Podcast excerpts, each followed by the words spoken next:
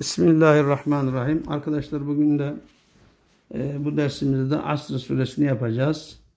Asr suresi 103. suredir. Asr 100 yıl ikindi vakti ve meyvenin suyunu çıkarmak gibi manalara gelir. Asra yemin ile söze başladığı için bu adı almıştır. İnşirah suresinden sonra Mekke'de inmiştir. 3 ayettir. Surede kurtuluşun imana, iyi işler yapmaya, hakkı ve sabrı tavsiye etmeye bağlı olduğunu anlatmıştır. Bismillahirrahmanirrahim. Vel asr innel insana lefi husr illellezine amenu ve amilus salihati ve tevasav bil hakkı ve tevasav bis sabr. Sadakallahul azim. Vel asr. Andolsun asra.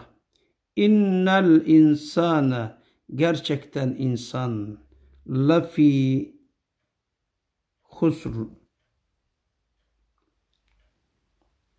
Ziyandadır. Elbette ziyan içindedir.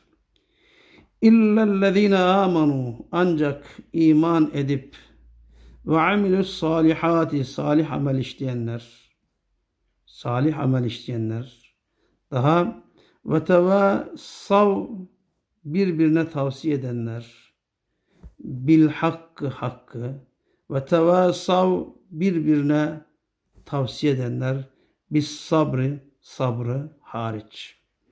Yani andolsun asla insan gerçek ziyanda içinde ziyan içindedir.